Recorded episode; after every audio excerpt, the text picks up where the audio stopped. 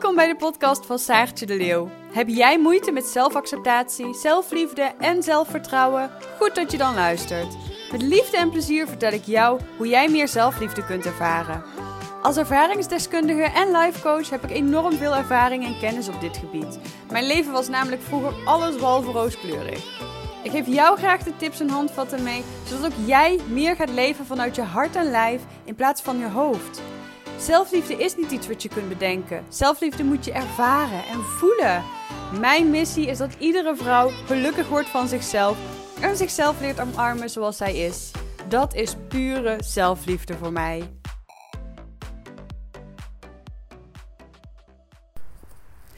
Hey hey lieverds, super leuk dat je luistert weer naar deze podcast. Ik ga het in deze aflevering met jullie hebben over ego en intuïtie. En nu zul je misschien in het begin denken: wat is dan ego en wat is intuïtie? Waar heb je het over? Althans, dat was mijn, uh, ja, mijn, mijn uh, gedachte, zeg maar, in het begin. Ik wist echt niets af van het ego of het intuïtie. Ik heb uh, zes tot zeven jaar bij de reguliere uh, hoe zeg je dat, reguliere geneeskunde gelopen. Dus bij de GGZ en bij uh, uh, ja, de psycholoog en andere diverse instanties die, ja, die eigenlijk gewoon via de reguliere route bewandeld. En daar kwam eigenlijk nooit datgene aan, aan bod. Hallo. Um, daar kwam eigenlijk altijd alleen maar aan bod van oké, eh, je vindt jezelf niet goed genoeg en uh, daar ligt het aan. En uh, daar moet je aan werken dat je jezelf goed genoeg vindt. Ja, oké, okay, superleuk allemaal. Um, dat, zover was ik zelf vaak ook al wel gekomen. En toen op den duur ging ik meer de alternatieve geneeskunde in alternatieve geneeskunde kant op. Met uh, haptotherapie, craniosacraaltherapie. Um, ik loop trouwens buiten, maar dat zul je alvast uh, wel gehoord hebben. Um, en daar merkte ik al van, wow, er is eigenlijk echt een veel andere kant ook. De kant van het innerlijk kind bijvoorbeeld. De kant van, wij zijn niet simpel gewoon mens en that's it. Nee, je hebt ook echt een innerlijk kind in jezelf. Dus een kleine, uh, in mijn geval Saartje. Of in uh, jouw geval een kleine, uh, ja, noem het maar op hoe je heet. um, en daarnaast ook vaak een puber. Een, een, een rebelse kant. Of um, ja, in ieder geval nog niet de volwassen kant. Daarnaast heb je vaak ook je kritische ouders. Dus je kritische kant in je. En je hebt de volwassen ouders. Dat zijn zeg maar de, ja, hoe zal ik dat even benoemen? De beredenerende kant van jezelf. Dus um, ja, de volwassen kant. Niet het slachtoffer, niet de redder. Um, maar echt je volwassen kant die zegt van oké, um, laten we beredeneren en uh, kijken wat dan uh, ja, slim is om te doen of niet slim is. Die kant, zeg maar. En toen ging er eigenlijk al een hele wereld voor mij open. Want ik voelde in mezelf ook inderdaad van... hé, hey, ik kan soms best speels zijn. Is dat nou een kant van mezelf of niet? Um, ja, dat, dat ben jij natuurlijk allemaal. En de ene is speelser dan de ander. De een laat dat meer toe dan de ander. Maar zo heeft eigenlijk iedereen wel een innerlijk kind in zich, uh, meer een puberkant. Dus als je bijvoorbeeld wat boos bent, wat weerstand voelt, wat uh, geïrriteerd bent, dan komt die kant naar boven. En um, ja, zo heb je ook een volwassen kant. En met name bij perfectionisme, perfectionistische mensen staat uh, heel erg die kritische ouder vaak op de voorgrond. Dus die zegt van, nou, je moet dit doen, je moet dat doen, want dan is het pas goed genoeg. Je moet uh, goede cijfers halen, je moet uh, um, succesvol zijn op je werk, je moet hard werken, je moet, uh, nou, noem het allemaal maar op. En ja, zo heb je op den duur kwam ik erachter dat je nog meer kanten. Wat zeg je? Walnoten kopen voor 1 euro. Als het goed is, heb ik denk ik nog net 1 euro oh, bij. Kijk eens, jullie hebben geluk. Maar ik hoef geen walnoten hoor, dat is gewoon voor jullie. Ja? Alsjeblieft. Succes!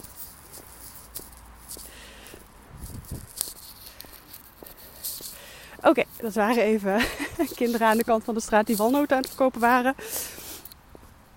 En ik had toevallig nog een euro op zak. Nou, hoe mooi kan het zijn?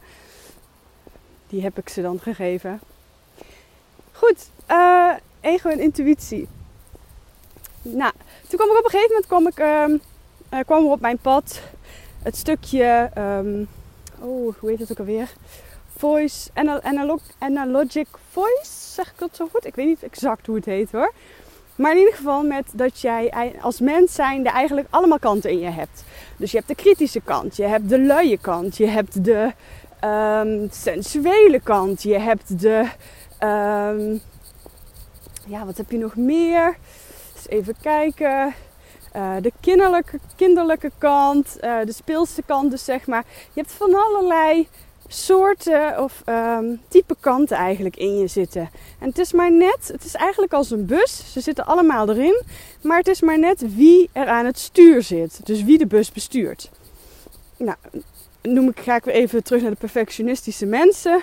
Uh, omdat ik die coach daar zit dus vaak de kritische, de perfectionistische, uh, ja, ja, de kritische uh, ouder zit daar vaak vooraan de bus.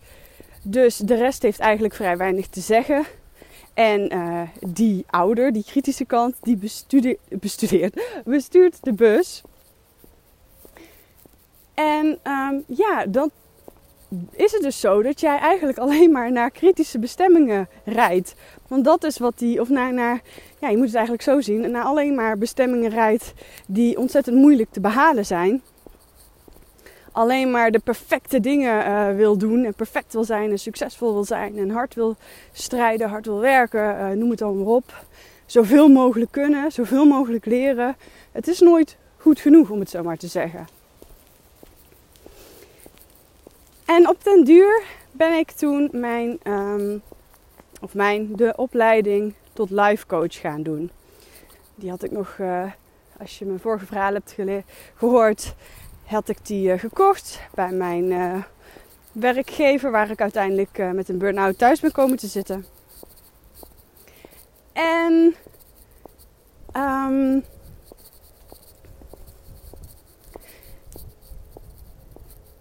tijdens die opleiding echt is mijn mindset 180 graden geswitcht. Dat was al, of althans, hij was al aardig ge, geshift daarvoor. Maar echt tijdens die opleiding, nou, is de rest uh, helemaal uh, geshift. Waardoor ik echt 180 graden ben, uh, ben gedraaid uiteindelijk. Want wat er is gebeurd, is dat ik echt in aanraking kwam met. Hallo knappert. Ik loop weer langs paarden. Want ik kwam echt in aanmerking of um, in aanraking met ego en intuïtie. En dat het dus niet zo simpel is inderdaad als dat wij, uh, hallo, gewoon uh, maar mens zijn. Wij zijn veel meer dan dat. We hebben zoveel kanten in ons, waaronder dus ook je ego-kant en je intuïtiekant.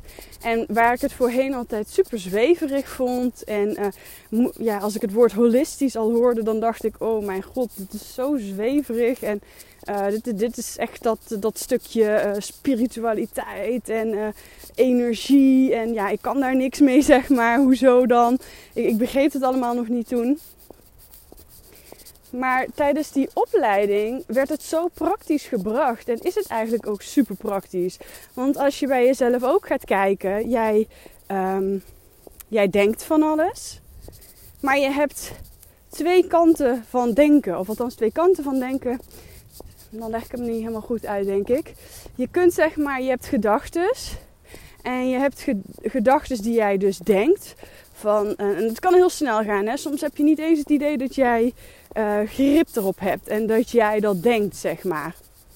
Maar dat stuur je wel aan. Of jouw um, onderbewustzijn stuurt dat vaak ook aan. En dan uh, denk je het bewust. Maar in je onderbewuste zit ook het stukje intuïtie. En dat is dus dat stukje, dat stukje gevoel. En dat is iets wat heel weinig mensen hedendaags uh, kennen, meemaken en uh, ervaren. En dat heeft alles te maken met dat wij heel erg uit balans zijn en veel meer met ons ego bezig zijn. Dus met alles denken, uh, moeten beredeneren. Het kan niet gewoon zo zijn. Toeval bestaat niet. Uh, dat soort dingen, zeg maar. Overal moet een oplossing voor zijn, of overal moet een reden voor zijn, met name. Uh, dat is echt ego. En dan heb je dus een intuïtie die eigenlijk een soort van oppopt in jou. En die ineens zegt van, die dus de missing pieces zeg maar op zijn plaats schuift. En die, uh, uh, die jou laat merken van hé, hey, zie je, dit is echt wat bij jou past. Dit is echt, dit is goed voor jou. Dus dat warme gevoel of dat, dat je krijgt, ja misschien ken je het wel hoor. Uh, dat je bijvoorbeeld uh, op zoek bent naar een baan en dat je ineens denkt: deze, deze baan die is het helemaal voor mij. Dit, dit moet ik gaan doen. Dit voelt zo spot on. Dit voelt zo, um, uh, zo, ja, hoe, hoe, zeg ik het? Zo in kern, in, in alignment. Ja, dat zijn weer termen zeg maar die, die vaak gebruikt worden. Maar um, dit voelt zo in lijn met wie ik ben en wat ik wil dat je daar helemaal heen wordt gezogen, om, als het ware. Dat is intuïtie. En daar mogen we echt meer naar gaan luisteren. Want nu luisteren we nog heel erg naar ego. En ego zijn dus de stemmen in ons die we horen. Ego is het verhaal wat jij jezelf vertelt. De overtuigingen die jij hebt. En die heb je vooral meegekregen en overgenomen van je ouders en van mensen waar jij veel mee om bent gegaan. Die overtuiging heb jij overgenomen. Dat verhaal ben jij gaan geloven. Welk verhaal ben jij dus tegen jezelf gaan vertellen en welk verhaal ben jij gaan geloven? En is het ook echt zo zoals jij het ziet? En nu denk je waarschijnlijk, of nu kun je denken, ja, tuurlijk is het zoals ik het zie. Hallo, ik eh, ben toch niet blind of zo. Maar het is niet echt zoals wij het zien. Je ziet de dingen zoals jij ze wil zien.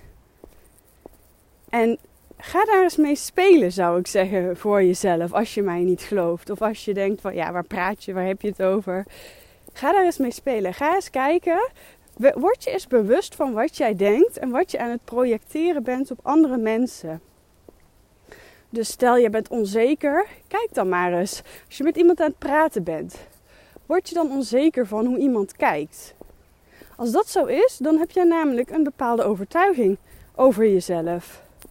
Dan heb je, dan heb je jezelf een bepaald verhaal verteld. Dat jij blijkbaar um, dat een ander jou, dat je misschien niet goed genoeg bent. Of dat je er niet leuk genoeg uitziet. Of dat je iets op je gezicht hebt zitten. Of noem het maar op. Daardoor kun jij heel onzeker raken als bijvoorbeeld een ander naar jou kijkt of lang naar jou kijkt. In plaats van dat je ook uh, zou kunnen denken: oh, misschien vindt die ander mij wel leuk. Misschien vindt die ander mij er wel leuk uitzien en kijkt hij daarom zo naar mij. Snap je welke kant? Welke kant van het verhaal, welke kant van um, jouw gedachten, jouw overtuigingen kies jij om te geloven? En als je dat eenmaal door hebt, want dat is de eerste stap om je daar bewust van te worden en dat door te krijgen. En daarna, als je dat door hebt, dan kun je het ook gaan veranderen. Dan kun je dus ook denken van hé, hey, of in ieder geval opmerken van hé, hey, ik merk nu op dat ik op die en die manier denk. Maar wat als diegene nou zo kijkt omdat hij mij er leuk uit vindt zien? Of uh, noem het maar op. Want wie zegt dat jouw gedachten waar zijn? Hoe toets je jouw gedachten? Hoe weet je zeker dat, dat die ander jou bijvoorbeeld niet mag? Of hoe weet je zeker dat je er niet goed uitziet? Of noem het maar op. Hoe toets je dat? De, enige mogelijke, de enige mogelijke manier om dat te toetsen is om um, dat aan die ander te vragen, om dat te checken. En ehm, ook een stukje vertrouwen. Want soms is het natuurlijk zo, dan kun je checken en dan zegt de ander... Oh nee, ik vind je juist hartstikke leuk eruit zien. En dan denk je misschien, ja ja, uh, bla bla bla, weet je wel. sure. Um, maar goed, ook dan is het natuurlijk aan jou om daarin een stukje te gaan vertrouwen. Van oké, ik vertrouw de ander. En ik vertrouw wat de ander zegt. En als de ander niet eerlijk is tegen jou, kun jij daar niks aan doen. Jij hebt niet de controle over de ander. Je hebt alleen de controle over jezelf en over jouw denkvermogen, zeg maar, over wat jij denkt. En wat je daarna doet. Ego is dus alles wat wij denken, de verhalen die we onszelf vertellen, de overtuigingen die we hebben over onszelf. Zowel goed als slecht natuurlijk. Want ego uh, kun je ook vanuit verschillende perspectieven bekijken. Veel mensen om mij heen die. Um, of om mij heen, ik zie veel coaches die vinden het ego als iets slechts. Ik vind het ego niet per se als iets slechts. Ik vind het ego is een onderdeel van jou. En wat je wil eigenlijk, denk ik, althans dat is mijn visie, is dat je wil dat het in balans is. Dus dat je ego hebt, maar dat je daarnaast ook in contact staat met jezelf. En met je intuïtie. En dat je daar ook naar kunt luisteren. Want heel vaak luisteren wij naar ons ego. Zo had ik het laatste, of zo had ik het op Instagram erover over keuzes maken. Hoe maak je nou keuzes? Hoe, hoe, hoe zorg je ervoor dat je geen spijt hebt achteraf voor keuzes maken? Ik denk persoonlijk dat als jij naar jouw gevoel luistert, naar jouw intuïtie dus, naar jouw hart, dat je geen fouten kunt maken. Want dat is wat jij wil. En als jouw gevoel aangeeft, hé, hey, ik wil bij deze jongen zijn. Of misschien geeft jouw gevoel wel aan, hé, hey, hmm, match toch niet helemaal. Ik wil niet bij deze jongen zijn. Um, dan is dat hetgeen waar jij naar mag gaan luisteren. Want weet, en zo werkt ons brein gewoon, weet dat als je enige vorm van twijfel hebt, dat dat ook gedurende het hele proces in de situatie zal blijven spelen. Dus stel je hebt enige twijfel voordat je de relatie aangaat, dan zal die twijfel ook gedurende de relatie blijven spelen in je onbewustzijn. En dan zul je heel snel gaan denken, of in ieder geval veel sneller zal je dan gaan denken van hé, hey, hmm, misschien is dit het toch niet helemaal. Net zoals bij een baan. Als jij denkt bij een baan, je, neemt een baan aan en, en je twijfelt erover van hmm, past dit wel bij mij? Dan zal ook daarin de twijfel blijven spelen.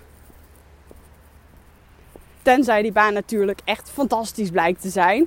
Maar goed, als die baan dus facetten heeft die je leuk vindt en facetten heeft die je minder leuk vindt, dan zal die twijfel zal echt een groot onderdeel gaan zijn van die baan en van hoe jij die baan ervaart. Net zoals bij coaching. Ik wil alleen maar klanten hebben die 100% ja zeggen. Niet, niet, niet klanten die 60% ja zeggen. Want dan is de kans dat de coaching slaagt ook veel minder groot, omdat die ander er niet zo achter staat. Als jij helemaal erachter staat, als jij helemaal voelt, hé, hey, zij, zij is het voor mij. Zij kan mij helpen. Dan, dan ben je al geholpen, om het zo maar te zeggen. Want dan vertrouw je. En dan, um, dan ben je eigenlijk al gewoon voor een groot deel waar je wil zijn.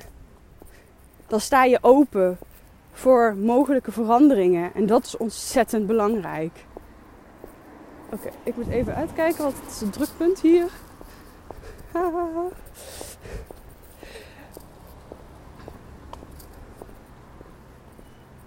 En daarin mag dus echt je intuïtie een grotere rol gaan spelen. Dat je echt gaat voelen, wat wil ik nou? Wat wil ik nou en waar voel ik mij goed bij? En dat wat wil ik is misschien nog niet eens zozeer um, de hoofdreden, zeg maar, of het hoofddoel. Meer wat, waar voel ik me goed bij? Wat voel ik? Waar voel ik me goed bij? Waar heb ik behoefte aan? Dat zijn allemaal vragen die op gevoelsniveau spelen. Want wat wil ik is een vraag op rationeel niveau. En wat voel ik is een vraag op gevoelsniveau.